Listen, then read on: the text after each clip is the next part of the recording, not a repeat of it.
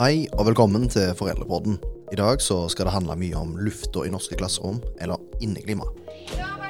Ifølge en rapport fra Rådgivende ingeniørers forening så driver så mye som 40% av norske skoler eh, nemlig undervisning i klasserom som ikke har godkjent inneklima. Myggsopp, for varmt og kaldt, tung luft, ja, til og med musebesøk forekommer i norske klasserom. Vi står med et barnepolitisk eh, problem som vi må løse sammen, tror jeg. Det her, det er Tore Andersen. For eh, ca. 25 år siden så starta han opp Norsk forum for bedre innemiljø for barn. Han var ikke alene. Med seg i faggruppa hadde han leger, professorer, jurister og ingeniører, som Tore sjøl er. Så vi ble en nokså sterk faggruppe, og har da gjort undersøkelser for myndigheter og gjort strategiplan for astma allergi, for Helsedirektoratet osv. Så, videre. så vi har eh, jobba med dette, og vi har også vært ute i feltet. Norsk forum for bedre innemiljø for barn starta opp etter at det kom en ny forskrift om miljøretta helsevern i 1996. Den nye forskriften sa at det var kommunen som har ansvaret for å håndheve ting som kan ha innvirkning på innbyggernes helse. Et eksempel på det er dårlig inneklima og luft i klasserom. Med andre ord så var det da kommunen som eh, satt til å passe på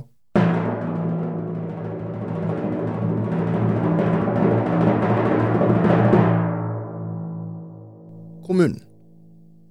Det er det. Altså, vi har et, dessverre et, eh, et tilsynssystem som eh, ikke fungerer.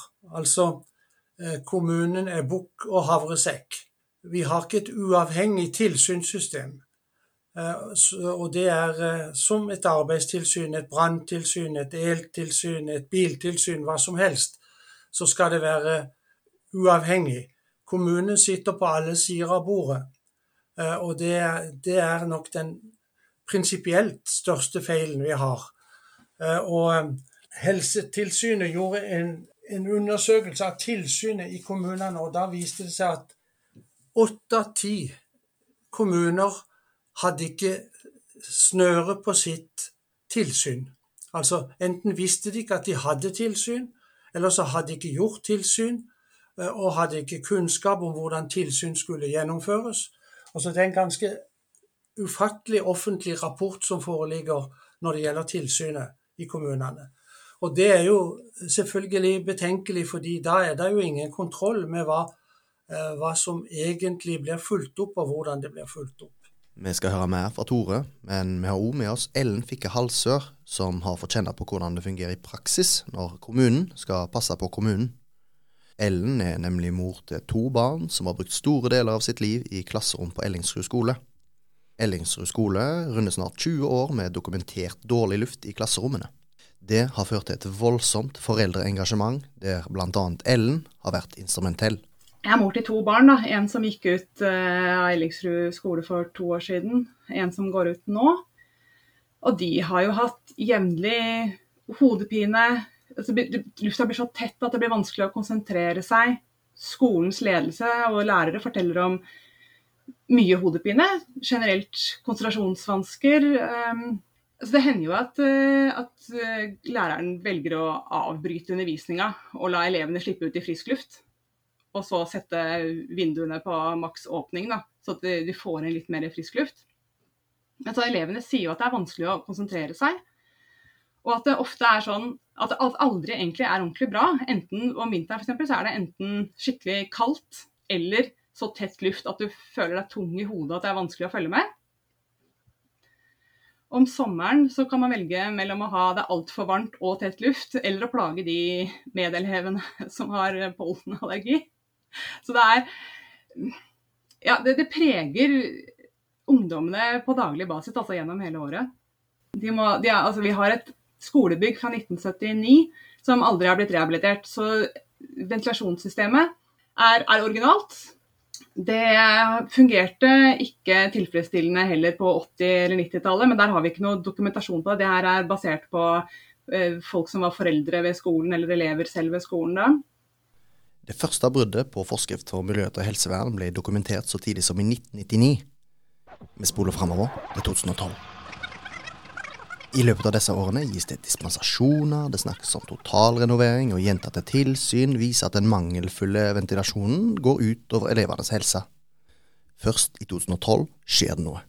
Så i 2012 så ble det da som et, på et avbøtende tiltak, vil jeg si, installert noen automatiske vinduer som da skulle gå opp når inneklimaet krevde det. De også gå opp automatisk.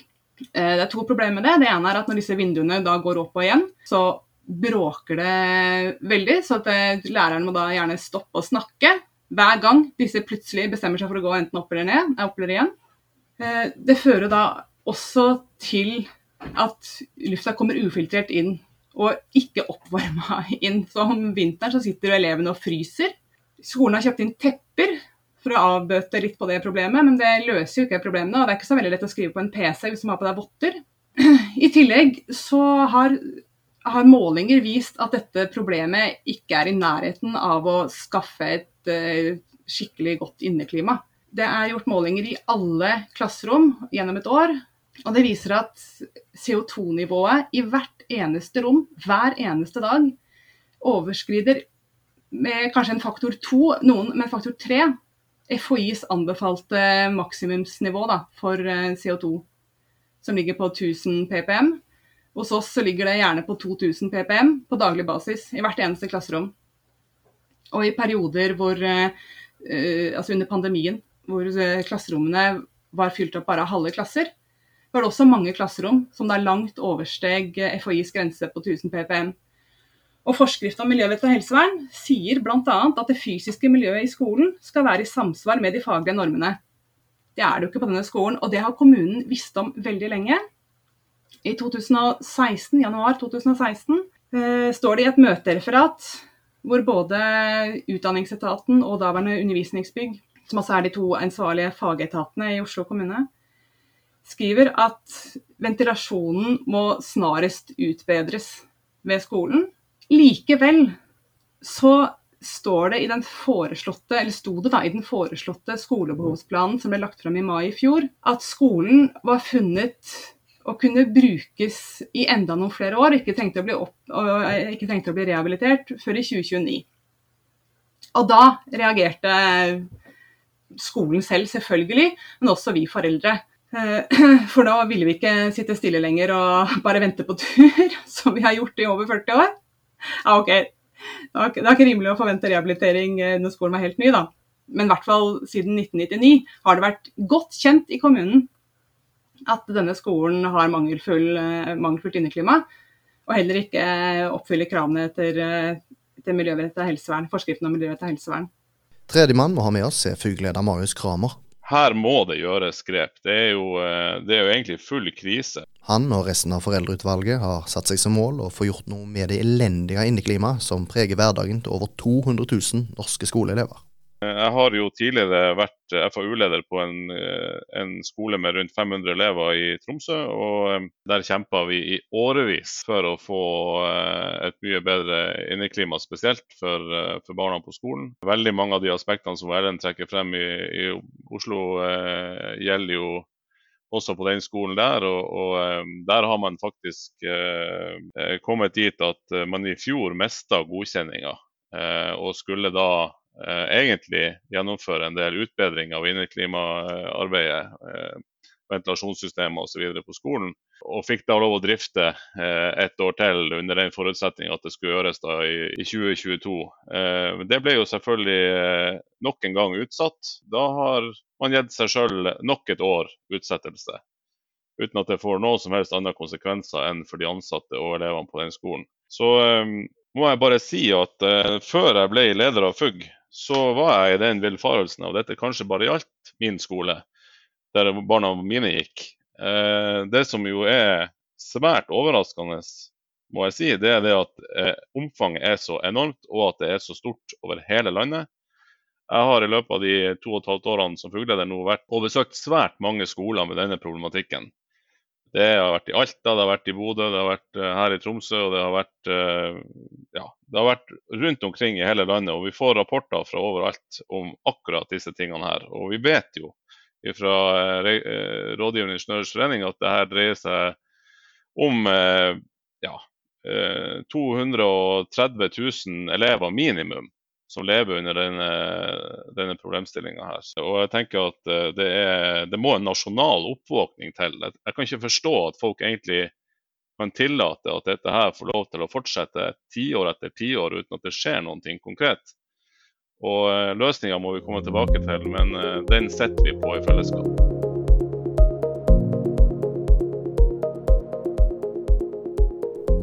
Ok, så har vi fått høre litt om problemet som er der ute i norske skoler. Vi har fått høre om et regelverk som Tore, Ellen og Marius er enige om at det ikke fungerer. Det vi òg har fått høre, er at vi som foreldre spiller en nøkkelrolle for å tale våre barns sak.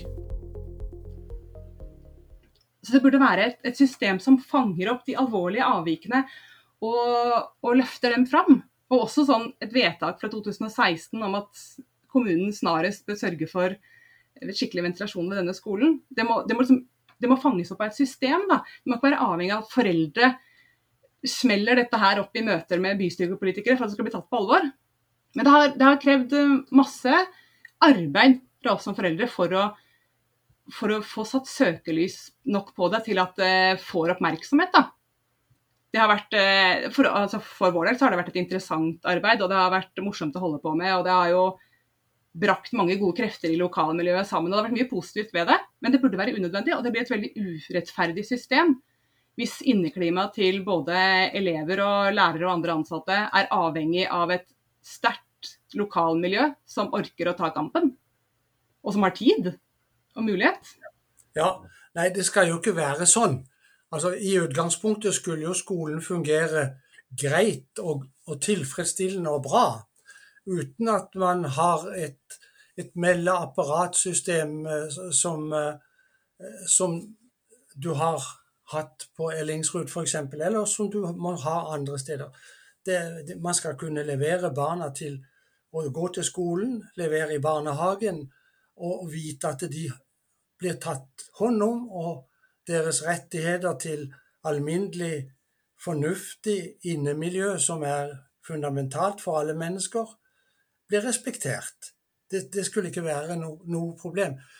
Problemet er at vi er kommet inn i ei suppe av, av, eh, av ordninger, av tullete ordninger, teknisk tullete ordninger, forvaltningsmessig tullete ordninger der, eh, der dette, dette, ikke henger egentlig på greip. Det, det, skal, det, skal, i utgangspunktet være ordnet, og så skal det vedlikeholdes det, fra det er nytt. Men kommunene har hatt en, en, eh, en naraktig tendens til å jåle seg med nybygde skoler. De skryter av landets fineste eller landets miljøriktigste eller alt mulig for å liksom eh, Og så eh, blir det fritt fall. Altså Så vedlikeholdes det ikke, og alle vet jo at alt fra en sykkel til et fly må vedlikeholdes. Tekniske ting må følges opp hele tida. Eh, en ny skole kan bli dårlig og dårlig på fem år.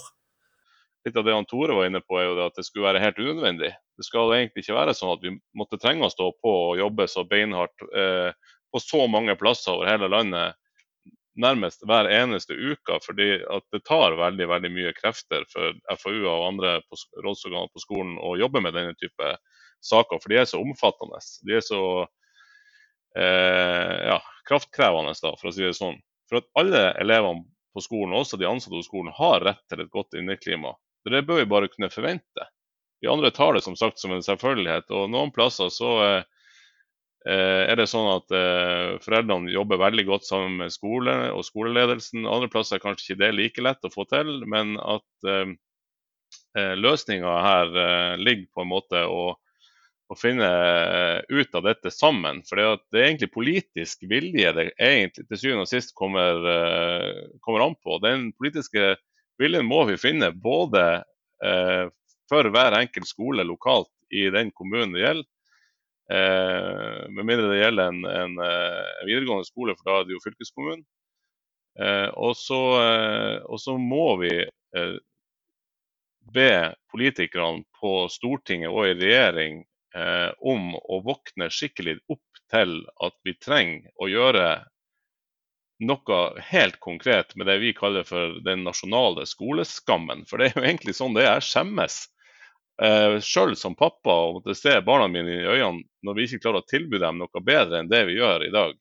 Hvorfor skal det være sånn at dem som trenger det aller mest og har det største behovet for å ha eh, helsebringende og, og, og funksjonelle arbeidsmiljø, og ikke har noe valg enn å gå til den skolen de er til, tiltenkt, eh, skal måtte ha det så mye dårligere enn oss, oss voksne, det henger jo ikke på greip. Med en norsk skole som i alle fall inneklimamessig ikke henger på greip, gir vi oss for denne gang. Mitt navn er Bjørnar Vika, og du har hørt Foreldrepodden, en podkast fra FUG. I neste episode så skal vi få høre mer fra Tore Andersen, Marius Kramer og Ellen Fikke Halsør. De tre skal prøve å forklare oss hvordan vi skal jobbe for å få inneklimaet på greip. Vi skal også få høre mer om arbeidet som Ellen og de andre foreldrene på Ellingsrud skole har gjort. Klarer kommunen og skolen bragden ved å gi ansatte og Ellingsrud 25 strake år med dokumentert dårlig inneklima? Følg med oss i neste episode. Lurer du på noe om inneklima, eller har du andre skole-hjem-relaterte spørsmål? Besøk oss på foreldreutvalgene.no, meld deg på vårt nyhetsbrev, eller følg oss på Facebook.